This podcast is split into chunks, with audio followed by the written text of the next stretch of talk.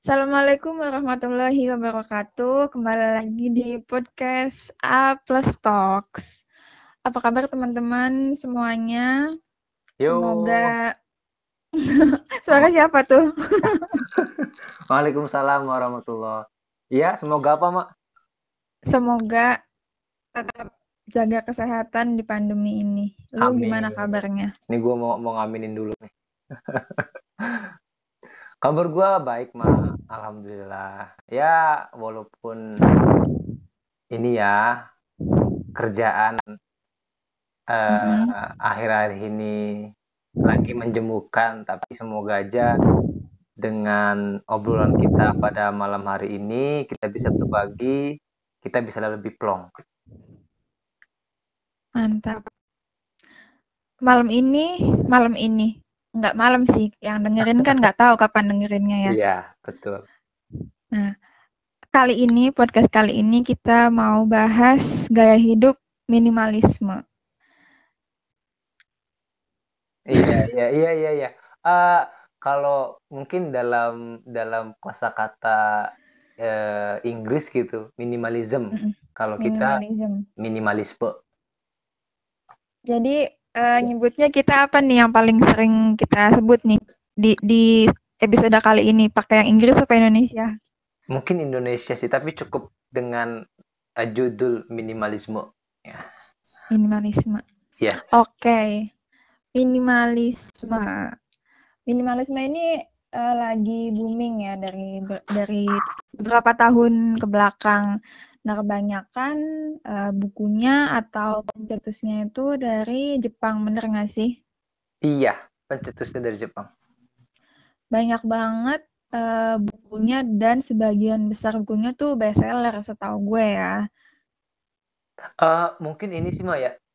Eh, dari dari buku minimalisme yang gue baca, nanti gue singgung juga buat teman-teman.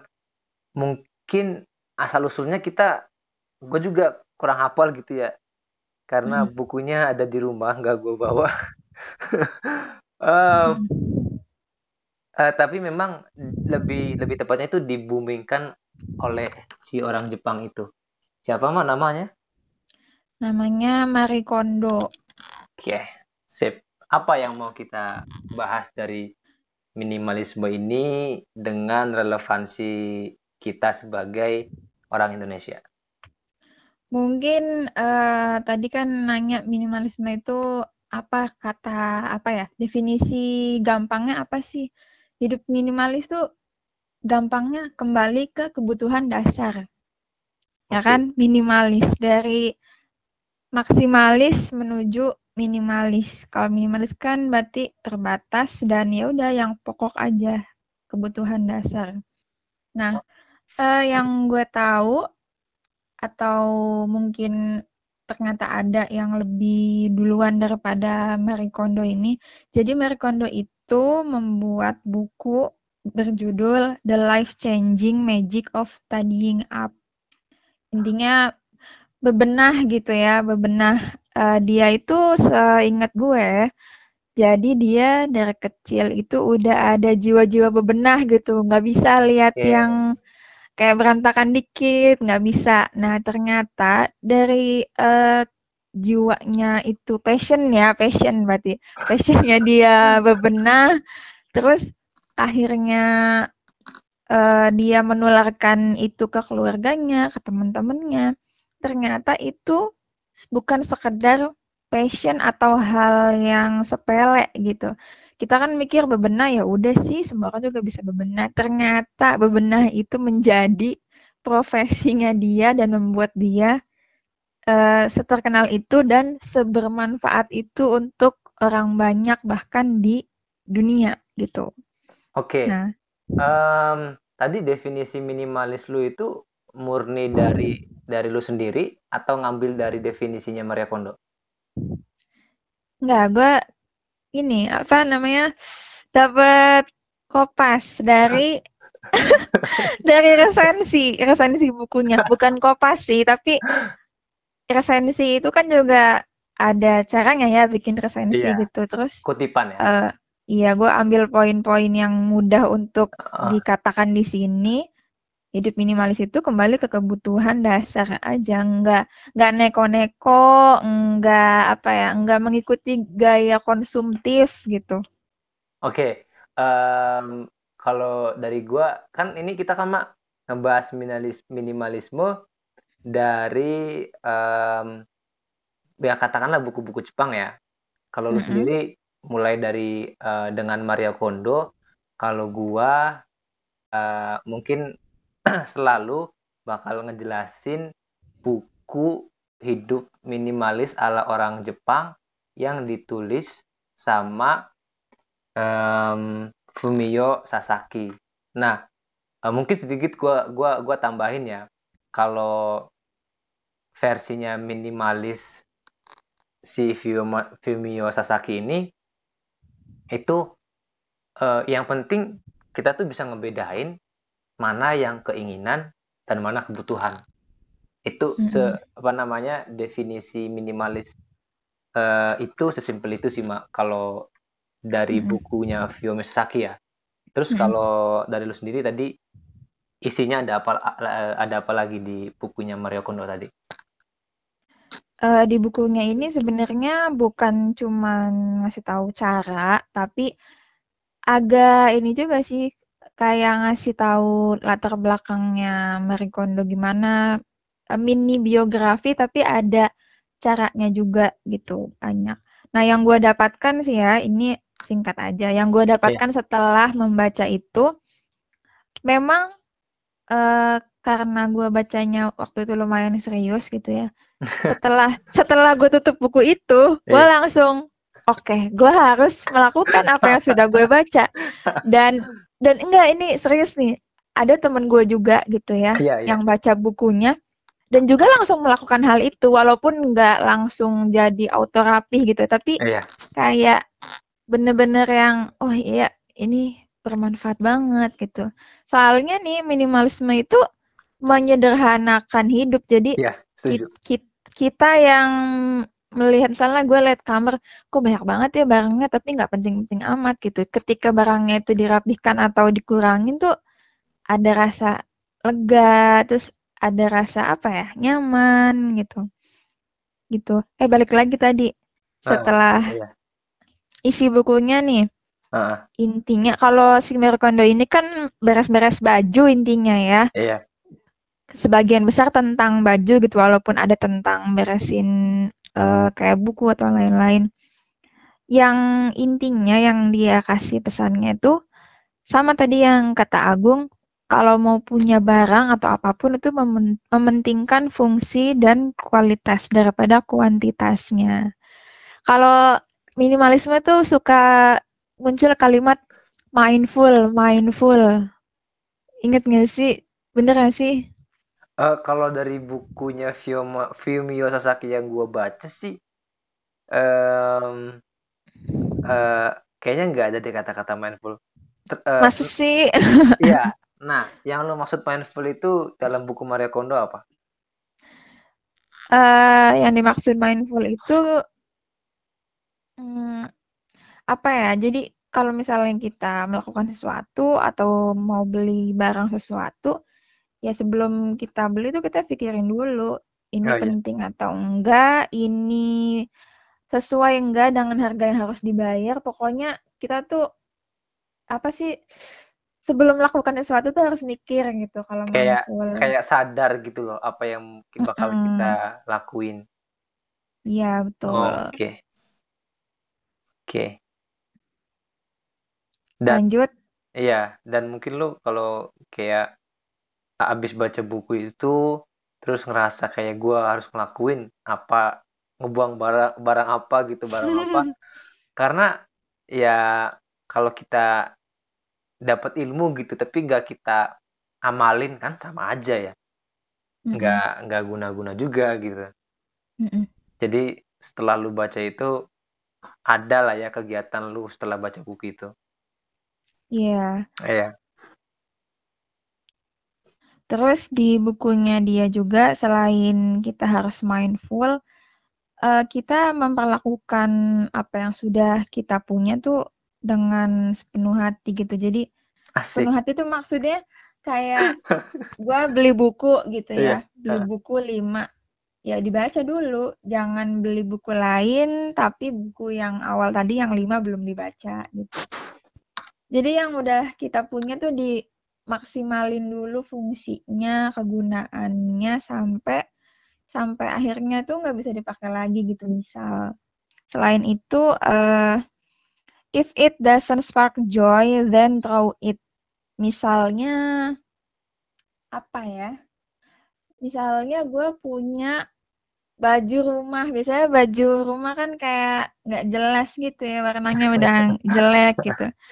Tapi tapi kita tumpuk aja gitu di lemari, tapi lemarinya juga penuh. Kalau udah nggak ada spark joy, udah nggak ada rasa, ih gue tuh suka sama baju ini gitu.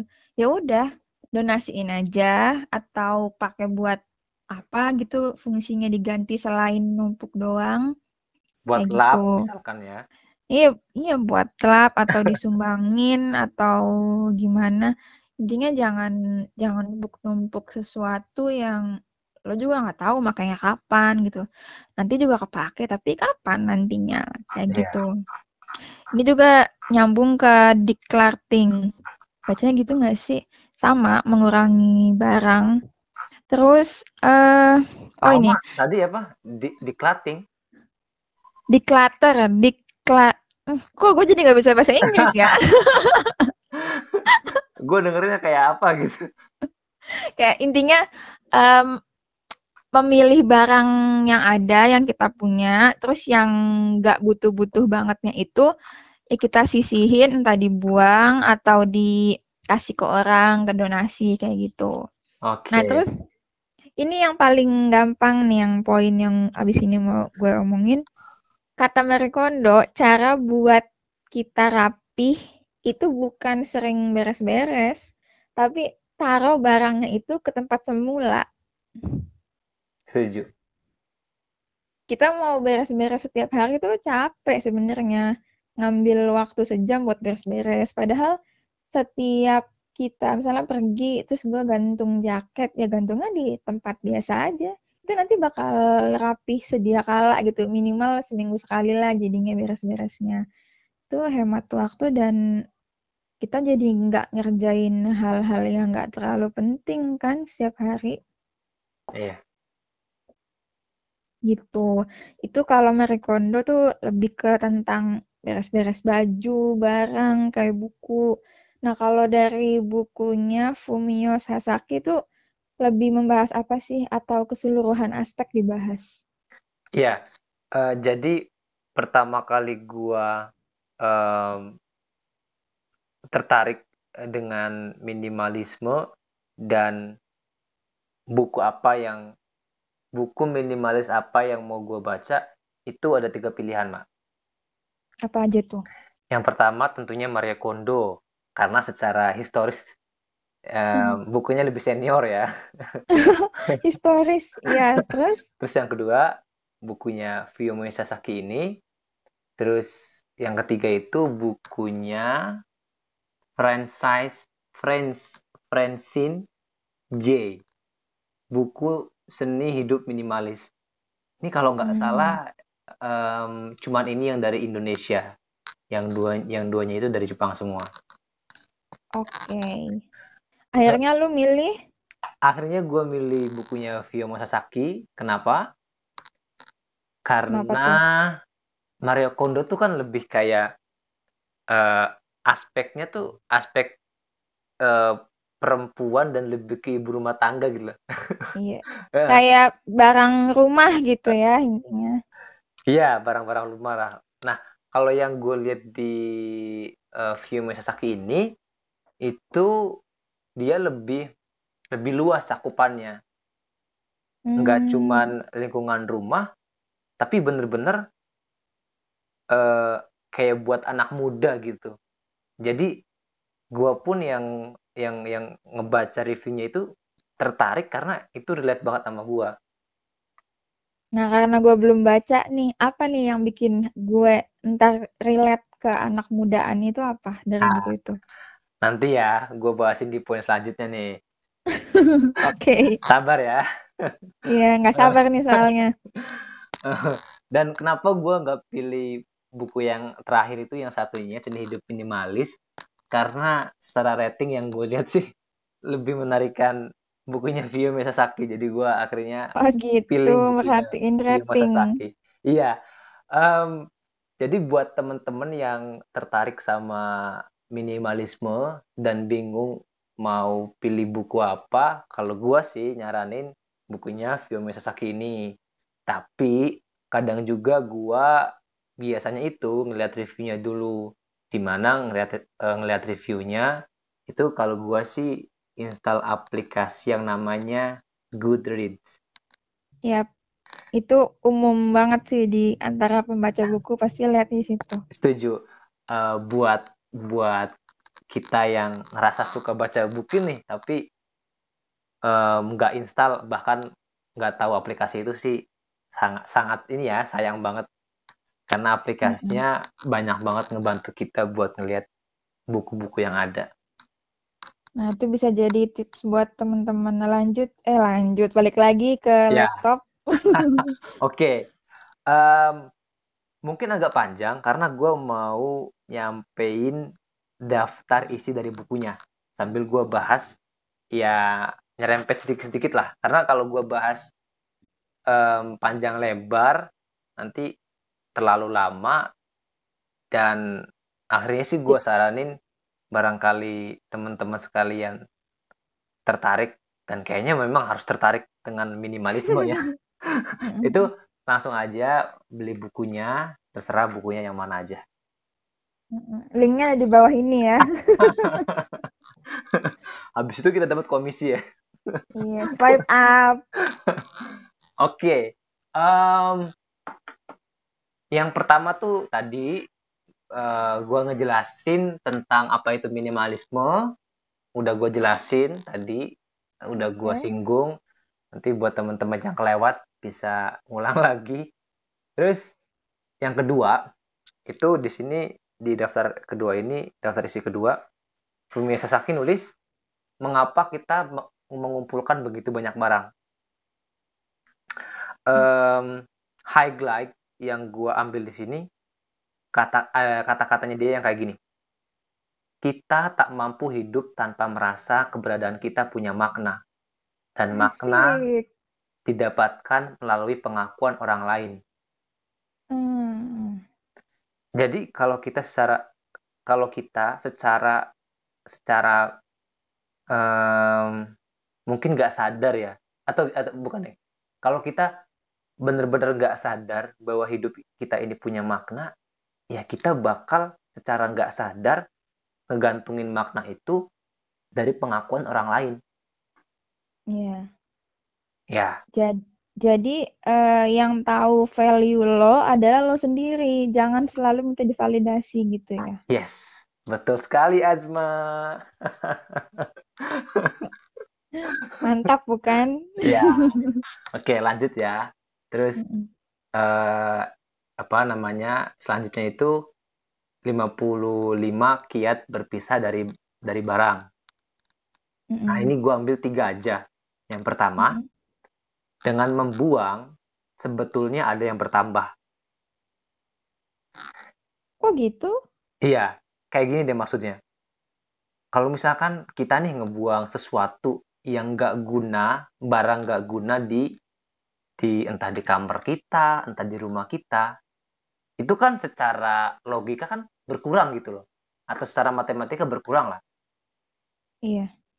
Tapi sebenarnya ada ada yang nambah. Apa dong? Apa yang nambah? Itu perasaan relief kita bahwa ada sesuatu yang nggak guna dan itu emang nggak pantas buat kita simpen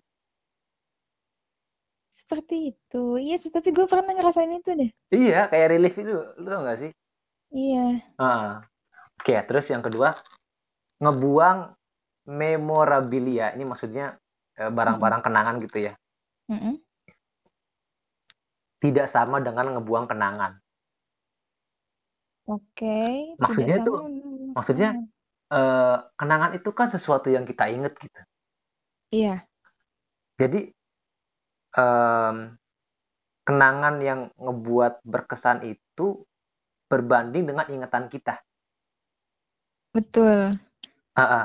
Jadi ya kalau memang um, kita benar-benar terkenang akan suatu benda itu, ya sebenarnya kalaupun dibuang juga ingatan kita dengan kenangan barang itu nggak bakal hilang juga kan?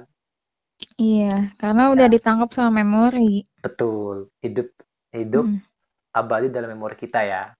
mm-mm. Ya walaupun kalau foto mantan agak susah gitu. Foto mantan. Ups. Hmm, apa itu? Ups, ups. tuh. Iya, barangkali ada di antara teman-teman ya kan. Eh ya begitulah. Eh, BTW, eh, Ya. di buku Marie Kondo itu juga sempat ngebahas tentang bagaimana cara membuang barang yang memorable. Caranya versi Marie Kondo. Sebelum eh, sebelum gini, kalau misalnya kita mau beresin lemari gitu ya, atau beresin kamar deh, beresin kamar itu dari hal yang paling gampang diberesin, baru yang susah. Yang susah itu adalah yang memorable gitu. Jadi kita beresin dulu yang gampang kayak baju. Nanti yang ada memorinya kayak misalnya pajangan lah, pajang misalnya dapat oleh-oleh dari Jepang gitu. Terus kita kayak oh nggak mau ah ini kan dari temen aku gitu misal. Kita Iya. tuh sebenarnya tadi yang kata Agung sebenarnya tuh memorinya tuh sudah ada di pikiran kita dan barang tuh ya hanya barang gitu. Nilainya tuh hanya sebuah barang bukan sebuah memori sebenarnya. Kalau misalnya memang sangat amat susah untuk melepaskan barang itu, cukup difoto. Setuju. Mm-mm. Kayak barangkali kalau kita memang em, apa pengen balik lagi ngerasain sensasi dari seberharganya barang itu, ya udah kita tinggal lihat fotonya aja gitu. Betul banget. Dan gini, kan biasanya nih ada dua sisi nih. Itu kan itu kan lebih ke arah si yang eh, katakanlah yang yang dapat oleh-oleh atau kenang-kenangan tadi ya. Mm-mm. Terus dari sisi orang yang ngasih pun kadang-kadang gini kejadiannya. Kita mau nge- ngebuang nih, tapi kita nggak enakan gitu sama orang yang ngasih. Apalagi Oh iya iya. iya, apalagi kalau misalkan yang ngasih ini di dimungkinkan tahu gitu. Mm-mm. eh, yang Fumio Sasaki bilang juga di bukunya itu sebenarnya kalau orang yang ngasih kenang-kenangan atau oleh-oleh itu memang ikhlas, ya berarti kan kalaupun itu disingkir dalam tanda kutip ya, ya mungkin ba- bahasa halusnya apa, pokoknya eh, kalau itu disingkirin, ya berarti yang nyingkirin pun ini kan punya reason untuk nyingkiran itu gitu. Reasonnya apa? Ya pengen hidup minimalis gitu, pengen pengen eh, sesuatu itu secara positif em, apa yang dia dapat gitu bukan tujuannya untuk ngebuang itu untuk nyakitin perasaan orang ngasih misalkan Iya. jadi gitu sih jadi ada kayak sama-sama pengertian gitu loh Mm-mm. Benar-benar. Lanjut. gua iya gua rasa juga kalau orang yang ngasih itu ternyata dia marah dan sebagainya mungkin aja sebenarnya dia nggak ikhlas ya Karena udah jadi haknya yang Iya, dikasih. betul betul oke lanjutnya ya Maya jadi Iya. Di lima lim- di 55 kiat berpisah dari barang itu eh, yang ketiga yang gua mau kasih tahu itu eh, gini rumah itu bukan museum jadi nggak perlu ada benda koleksi Oke. oke em, eh, ini riset yang apa ya yang yang yang gue lihat terutama mereka tuh yang orangnya introvert gitu perfeksionis itu mereka Mm-mm. pasti familiar sama benda koleksi Hmm. iya iya Kalau kalau mama gimana nih koleksi Tupperware gimana kalau mama? kayaknya kalau mama lebih ini ya lebih kesayang keluarga dia Oh gitu, ada alasannya gitu ada biar alasannya Iya. iya Eh, takut sama mak soalnya. jangan sampai anaknya ngilangin tupperware ya kan dicoret Coret dari kakak itu. kakak. Suaminya ketinggalan tupperware nggak boleh masuk rumah gitu Curhat bun. oh saya mohon maaf saya belum jadi suami tapi semoga sih nanti kalau jadi suami nggak kayak gitu ya Oh iya, hati-hati Tupperware mahal. iya Oke, jadi nggak ada perlu benda koleksi. Uh, kenapa tadi gue bilang uh, mostly gitu orang yang perfeksionis sama introvert? Karena gue ngerasain sendiri sih. Apa tuh? Apa yang lo rasakan? Uh, gua itu tipe orang yang ngoleksi satu dua benda gitu loh. Iya. Um, kayak gue tuh um, sampai sekarang masih ngoleksi jersey uh, tim favorit gua, tim bola favorit Apa gua. Apa nama timnya? Iya. Barcelona. Gua gua gua Oh, Barca. ya gua suka Barca. Barcelona dan um, ham, uh, setiap musim itu dari musim 2015 2016 itu gua ngoleksi jersey-nya. Wow, fanatik sekali. Ini buat temen-temen yang punya kasus yang sama, misalnya suka K-pop gitu kan, punya segala macam aksesorisnya. Gimana nih, Gung, cara untuk melakukan minimalisme gimana? Oke, uh, jadi sebenarnya selain gua ngoleksi jersey tadi, gue juga ngoleksi beberapa benda lain. Apa tuh? Tapi dulu, sebelum Oh, kirain kirain sekarang masih. ada lah, ada uh, yang yang yang apa namanya? Kayaknya kurang penting juga kalau disebutin gitu. Ya, ya, Oke. ya, ya itulah. Kadang-kadang tuh benda koleksi sebenarnya kalau kita pikirin secara jernih, kayaknya nggak penting-penting amat deh. Iya nggak sih? Iya, bisa Uh, jadi. terus uh, akhirnya untungnya setelah gua baca buku ini, gua ngeresapin dan at least seenggaknya gua ngurangin benda-benda koleksi yang sebenarnya nggak perlu tadi gitu. Akhirnya Hmm. gua gua apa namanya saat ini ya eh, yang gua masih koleksi banget itu si jersey ini karena gua ngerasa bahwa si jersey ini adalah eh, part of investasi, part of investment. Investasinya gimana tuh? Emang Iya, itu bisa dijual lagi? yes, betul banget, Mak. Jadi setelah gua ngeliat di marketplace online itu, eh, Mm-mm. Kan awalnya tuh gua tuh bener-bener ini loh. Lu harus tahu ya gimana gue fanatik si koleksi jersey ini. Gue mau ngumpulin itu dari jersey yang tahun sekian gitu. Wow. Iya, Jadi jadi tuh kayak kolektor gitu nggak sih lu iya, jadinya? iya sampai pada tahap bener-bener kolektor. Dan gue nemuin semua sebuah sebuah eh, jawabannya itu pas gue nyari jersey-jersey itu ternyata jersey yang tahun katakanlah yang tahun sekian itu harganya mahal, Mak. Mahal banget. Maksudnya berkali-kali lipat dari jersey yang tahun 2021 gitu misal. Yes, betul banget. Itu sampai kayak 3 sampai 5 kali lipat gitu loh. Wow. Jadi akhirnya gue gua gua, gua mikir bahwa oke, em, gua ngoleksi jersey ini juga bagian dari kesenangan gua. Gua bisa punya gua bisa make jersey tim kesayangan gua tiap musimnya. Ya, Mm-mm. ya gitu kan. Em, tapi gua juga secara nggak langsung investasi. Kalau-kalau kalau-kalau gua udah emang terlalu udah terlalu tua ya atau udah nggak suka nggak suka lagi katakanlah ya gue bisa ngelepas itu dengan keuntungan gitu Mm, Tips cuan. oke uh, selanjutnya ya Maya Iya. ini di daftar isinya itu ada 15 kiat tambahan untuk tahap selanjutnya dalam perjalanan menuju minimalisme Apa tuh tahapnya? Em, gua ngasih tahu ini aja dua aja ya Iya. Yang pertama, tanpa banyak tanpa banyak barang, kita jadi lebih orisinal.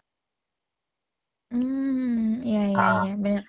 Oke, Identitas gitu ya. iya betul banget. Jadi kayak kalau kita minimalis itu, kita kan bakal make barang-barang yang memang kita perluin aja. Dengan itu sebenarnya ngebentuk citra diri kita juga dalam tanda kutip sebagai apa adanya gitu. Mm-mm. Oke gitu. Misal gini nih, uh, gampangnya gini ya, gue mau tambahin nih, misal Iya. Uh, seseorang udah jadi minimalis, contoh uh, punya bajunya tuh cuma berapa biji gitu, dan biasanya orang yang minimalis itu bajunya warna-warna basic doang dan iya, betul jadi jadi kayak Raditya Dika deh kan bajunya ya udah polos polos polos polos. Itu kan jadinya nanti selain menguntungkan untuk dirinya sebagai minimalis jadi kayak brand self branding bahwa Iya. Raditya Dika tuh seperti ini orangnya gitu yang maksud Agung. Iya, um, kalau kita nyinggung sedikit ini ya Bang Raditya Dika, ya, dia pun salah satu orang yang udah ngarah ke minimalis ya, udah Mm-mm. udah terapin uh, paham-paham minimalisme. Walaupun kayak dengan dia punya kaos, kan kalau minimalis tuh kaosnya polos gitu kan, udah udah warna plastik, polos lagi. Nggak nggak ada apa-apanya gitu. Tapi ya gitu ini termasuk poin yang gua mau yang gua mau tam, apa namanya yang nomor dua itu minimalisme adalah metode dan awal mula. Jadi kayak mungkin minimalismenya versi Bang Radit itu dia warnanya basic polos. Tapi kan Mm-mm. Bang Radit itu dari yang gue lihat dari channel YouTube-nya polosnya itu dia warnanya warna warna-warni gitu loh mak oh satu palet warna punya semua. Iya iya. Jadi kan itu kayak bukan minimalis juga. Terus terus bang Radit itu dia juga pakai topi gitu kan. Hmm. nah itu itu kan versi minimalisnya dia tuh. Uh, Iya. kita nggak tahu berapa banyak barang yang dia udah singkirin terutama jam tangan ya yang gua tahu. Oh gitu. Uh, uh, uh, tapi kalau kita kalau kita bedah lagi sebenarnya ada taraf minimalisme itu yang bener-bener kayak Fumio Sasaki ini dia punya Mm-mm. kaos tuh berapa ya? Dua atau empat gitu.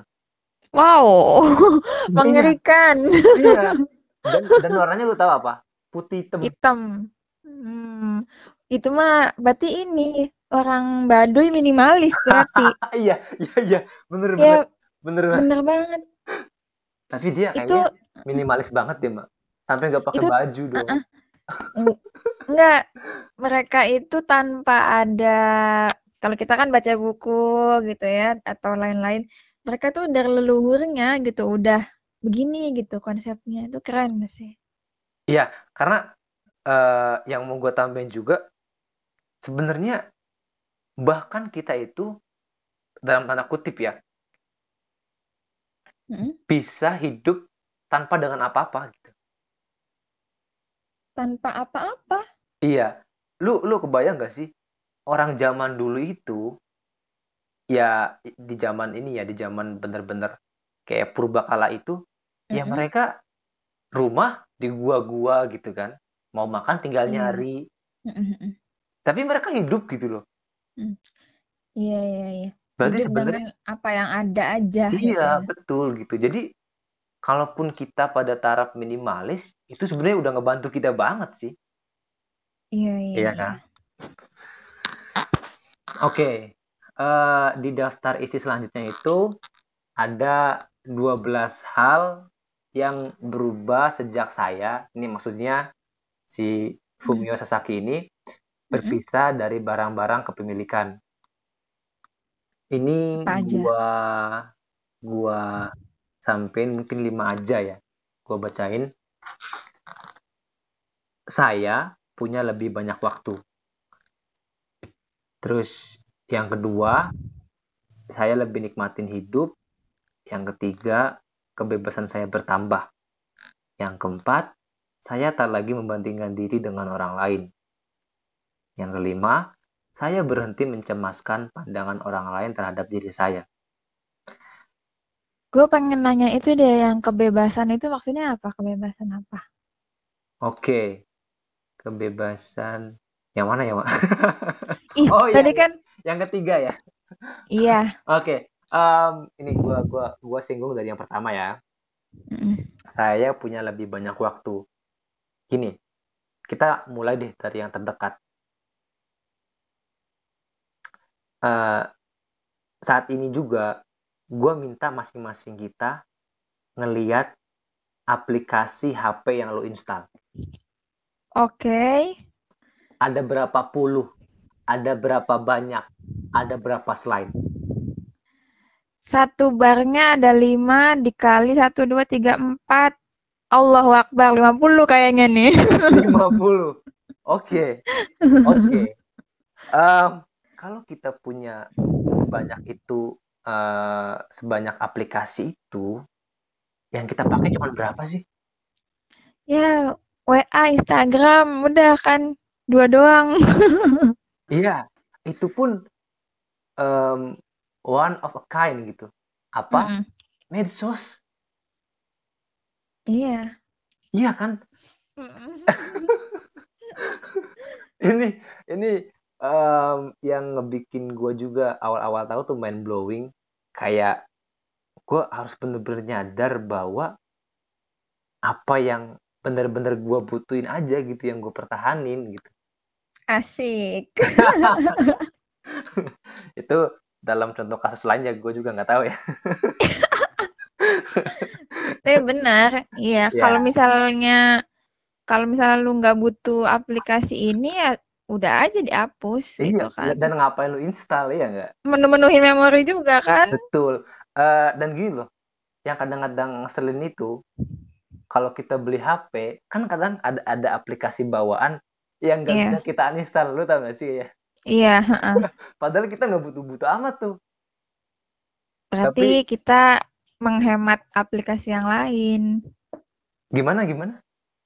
Ya kalau misalnya kita nggak bisa hapus, berarti aplikasi yang bisa kita download itu dibatasin gitu. Oh enggak, masa kayak gitu sih? Masa kayak gitu? Iya, bukan dibatasin, nggak boleh sama sekali. Maksudnya ya balik lagi, ya sebutuhnya aja.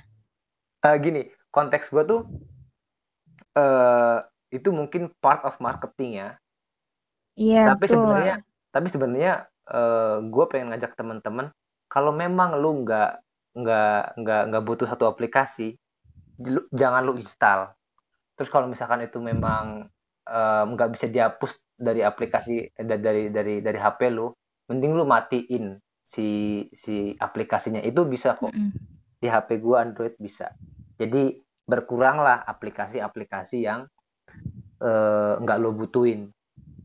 Mungkin Mm. ini agak tricky ya tapi semenjak gua tahu eh, buku ini dan gua berkenalan dengan minimalisme gua mikir kayak kalau gua nggak kenal si si minimalisme ini mungkin aplikasi gua bakal lebih banyak daripada sebelumnya gitu. Iya, iya. Iya. Oke. Kalau kita nggak, Oke, kalau kita oke. kalau kita nggak sadar itu tuh jadinya kayak ini ini pasti bakal dibutuhin nanti, ini bakal dibutuhin nanti. Itu kalau misalnya kita nggak sadar ini numpuk gitu. Ya nggak Iya. sih? Iya, itu termasuk ini sih hal-hal yang ngehambat hal-hal yang Nah, ngehambat iya. minimalisme ini Proses, betul. Eh Fumio Sasaki juga sempat iya, gue gue gue inget dia sempat ngebahas itu juga. Tapi gini konsepnya. Kalau nanti nanti bakal kepake, kan kita nggak tahu kapan nanti. Iya, betul, betul. Iya nggak sih? Kayak paradoks gitu loh. Iya, nanti nanti nanti. Ah, kapan dah tuh? Iya, makanya udah tuh Fu- Fumio Sasaki bilang, ya udah uninstall aja gitu atau kalau barang buang aja. Nanti kalau misalkan butuh, lu install lagi. Atau kalau misalkan lu butuh, lu beli lagi. Karena Hmm. sebenarnya tricky juga gitu. Kayak tadi yang gue bilang, sebenarnya kita nggak bisa, bisa kok hidup tanpa apa-apa. Tapi kalau ada sesuatu apa-apa itu kita terbiasa kayak make, kita juga bakal kayak kecanduan terhadap barang itu gitu loh. Intinya adalah mau atau enggak minimalis. Ya. Oke, lanjut ya, Mak. Oke. Eh, dia tuh bilang juga saya lebih nikmatin hidup pasti ya kalau kita minimalisme tuh pasti deh lu rasain itu mungkin awal-awal bakal susah tapi kalau misalkan lu udah kayak settle gitu bener-bener kayak tadi yang lu bilang juga mindful lu sadar bahwa yang ada saat ini selalu minimalis adalah hal-hal yang lu butuhin Yap. oke terus uh, lanjut kebebasan saya bertambah, ya jelas. Kalau lu nanya kebebasan saya bertambah ya ya jelas gitu. Karena sebenarnya benda ini tanpa kita sadari itu ngekang kita loh. Hmm, iya bener juga sih. Kayak iya. seolah terikat gitu ya. Iya, lu lu tinggal di di sebuah daerah yang rawan kebakaran, lu di situ apa ya taruhlah banjir atau apa kayak gitu kan terus lu naruh bener-bener ngumpulin barang-barang yang lu sayangi dan segala macem kalau nanti di di rumah lu itu kejadian apa-apa apa lu nanti nggak bakal kepikiran terus iya juga gue udah kayak hipnotis ya pokoknya intinya itulah Lanjut ya. Oke, okay. ya. Uh, saya tak lagi membandingkan diri dengan orang lain. Itu gimana tuh? Uh, gini deh. Sebenarnya kita itu terlatih untuk membandingin kita dengan orang lain. Iya, iya terlatih dong. Iya, iya, iya. Apalagi apalagi terbiasa gitu ya, terbiasa. Jangan terlatih kayak sengaja di training iya, gitu. Iya, iya, iya. Apalagi mama kan yang nggak sayang anak mau ngebandingin anaknya sama tetangga gitu aduh pahit tuh pahit tapi gini tapi gini pertanyaannya dengan siapa Bill Gates ngebandingin dirinya? Wah nggak kepikiran tuh gue. Emang siapa? Dengan dirinya sendiri? Ya, iya ya itu dia. Bill Gates kan sama nih kayak kita hmm. manusia. Iya. Kalau Bill Gates nggak bisa ngebandingin dirinya ya berarti emang kita juga nggak bisa ngebandingin diri kita dengan orang lain. Bener sih karena antara kita sama manusia lain tuh pasti banyak bedanya. Jadi kalau mau dibandingin nggak sebanding. Betul itu dia. Lanjut. Tuh buat uh, buat teman-teman yang insecure nggak usah insecure mulai sekarang. Iya mending banyakin bersyukur. Asik. Kuat dari internet. Quote dari film. Quote dari film. Dari meme. Lanjut. Lanjut ini poin yang terakhirnya yaitu saya berhenti mencemaskan pandangan orang lain terhadap diri saya. Ini ini quote-nya dari poin ini yaitu kaulah satu-satunya orang yang mencemaskan tampilan wajahmu. Wah, eh, cewek-cewek denger podcast kita. Gue ulangin ya. Ya. Kaulah satu-satunya orang yang mencemaskan tampilan wajahmu. Ini bukan Bener juga sih. Iya. Bener banget. Bener-bener banget. Ini bukan katanya kata-katanya Fumio Sasaki, tapi kata-katanya Ichiro Kishimi dan Fumitake Kuga dalam bukunya Kiraweru Yuki atau Berani Tidak Disukai. Bener banget sih, Maya. Iya, gue jadi wow, wow, it's me. Itu gue gitu kan. Iya, wow. Iya, banyak waktu terbuang buat mikir, ih gue kayak cakep Messi. Padahal ya udah orang nggak nggak seperhatian itu gitu. Iya, dan kita pun unik dengan cara kita masing-masing kan. Betul. Tapi maksud gue ya kita juga tahu diri ya. Iya. Kalau memang tetap pede tapi ya jangan over gitu enggak kalau kalau kalau maksud gue lebih ke arah ya lu juga nyadar diri gitu. Kalau misalkan part of your face itu ada yang perlu diperbaiki ya lu rawat itu. Oh, bener bener bener ya. Iya bisa lu beli bahan-bahan nih buat cewek ya kan di di mana mah oh iya produk product placement at the beauty skin underscore. Wow mantap banget Agung ini. S3 marketing jadi Azma tuh jualan apa? Aduh ya? oot ya guys. Tapi gue seneng ootnya soalnya promosi dagangan gue. Jual-jualan apa istilahnya? Care-care gitu? Skincare. Bukan ceker ya. Bukan itu mah ayam tuh. Ya, ya pokoknya buat cewek-cewek yang nyari skincare bisa ke tokonya Azma itu recommended deh. Yep. Sebenarnya bukan buat cewek doang sih karena skincare itu has no gender, jadi cowok juga bisa. Lu abis ini order deh gue ya, Gung. Oke. Gua gua gua gua juga mak gua gua gua skincarean juga. Tapi cuma cuci muka doang sih. Nggak apa-apa, nggak apa-apa. Oke. Eh, ini terakhir Mak poin yang Mhm. ada di daftar isi itu dan eh, yang yang yang yang gua sampein poinnya itu dia bilang merasa dalam tanda kutip bahagia Iya. alih-alih pengen jadi bahagia.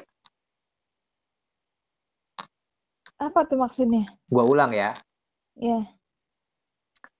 Merasa dalam tanda kutip bahagia alih-alih dalam tanda kutip Hmm. mencoba menjadi bahagia. Em, penjelasannya gini.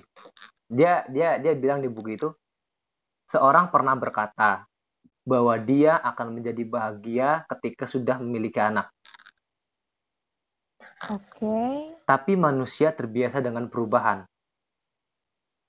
Setelah dia memiliki anak, perasaan itu akan biasa-biasa saja.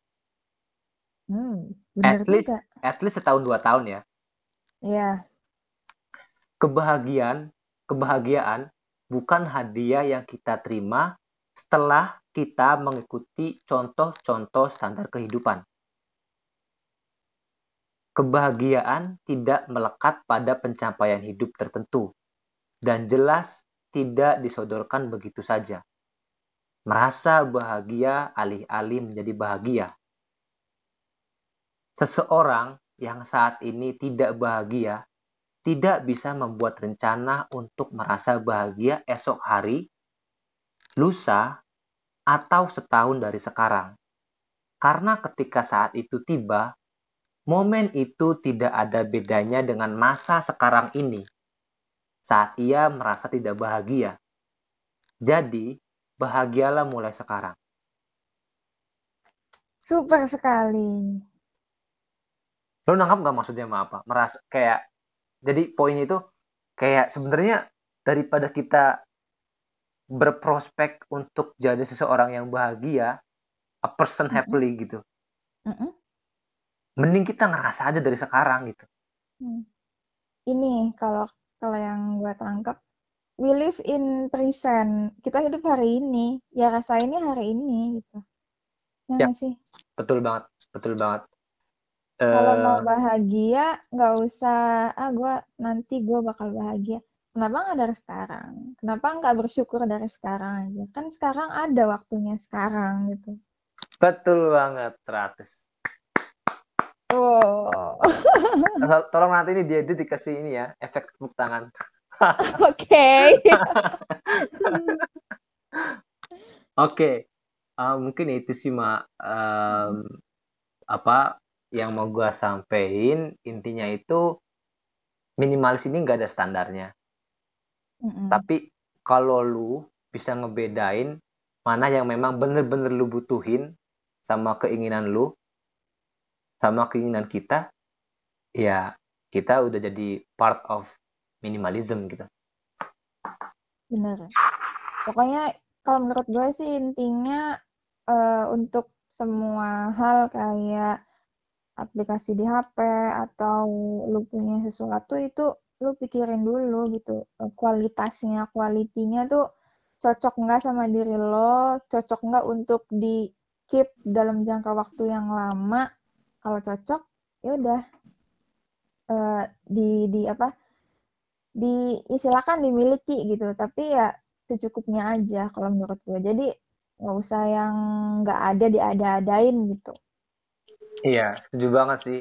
Dan eh gua ngerasa kayak minimalisme ini apa ya?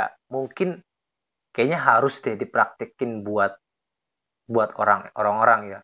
Karena nggak ada hal negatif bahkan dari minimalisme itu sendiri. Kalau yang gua lihat ya, Iya. eh, seenggaknya minimalis itu ngeringanin hidup kalian, hidup kita. Itu aja. benar-benar Eh, minimal kalau lu nggak minimi nggak minimalis minimalis banget ya lu minimalis biasa aja lah dan itu iya Iya, dan iya, iya. dan dan itu menurut gua ngebantu banget sih buat kehidupan kita. Intinya cobain dulu dalam satu aspek, lu rasain dulu gimana rasa bahagianya, rasa tenangnya. Nanti lu bakalan mencoba ke hal yang lain untuk minimalis juga gitu. ya referensinya bisa tuh baca bukunya Marie Kondo ya kan yang dibaca Mm-mm. Azma atau bukunya Fio Sasaki yang gua baca Nah, silakan teman-teman bisa riset lagi juga masing-masing. Oke, Gung, eh, oke cukup Ma. atau ada yang disampaikan lagi? cukup sih kalau dari gua Cukup ya. Em, makasih teman-teman udah dengerin. Ini menarik banget sih dan eh, menurut gue lu harus cobain. Beneran deh, ini harus dicobain karena buat ketenangan hati lo gitu, gue udah ngerasain gitu. Walaupun gue bukan orang yang minimalis, super minimalis, bukan. asik Tapi tapi tenangnya itu ada banget coy gitu. Lo harus coba nanti ya. Makasih udah dengerin, makasih Agung udah nyampein materinya ya padat dan singkat. teman-teman Azma juga Semoga Agung sehat selalu. sama-sama Semoga teman-teman juga nggak bosan dengerin kita dan selalu nungguin episode terbaru. Yeay. Yeay. Oke. eh sekian dan terima kasih. Wassalamualaikum warahmatullahi wabarakatuh. Bye. Bye semuanya.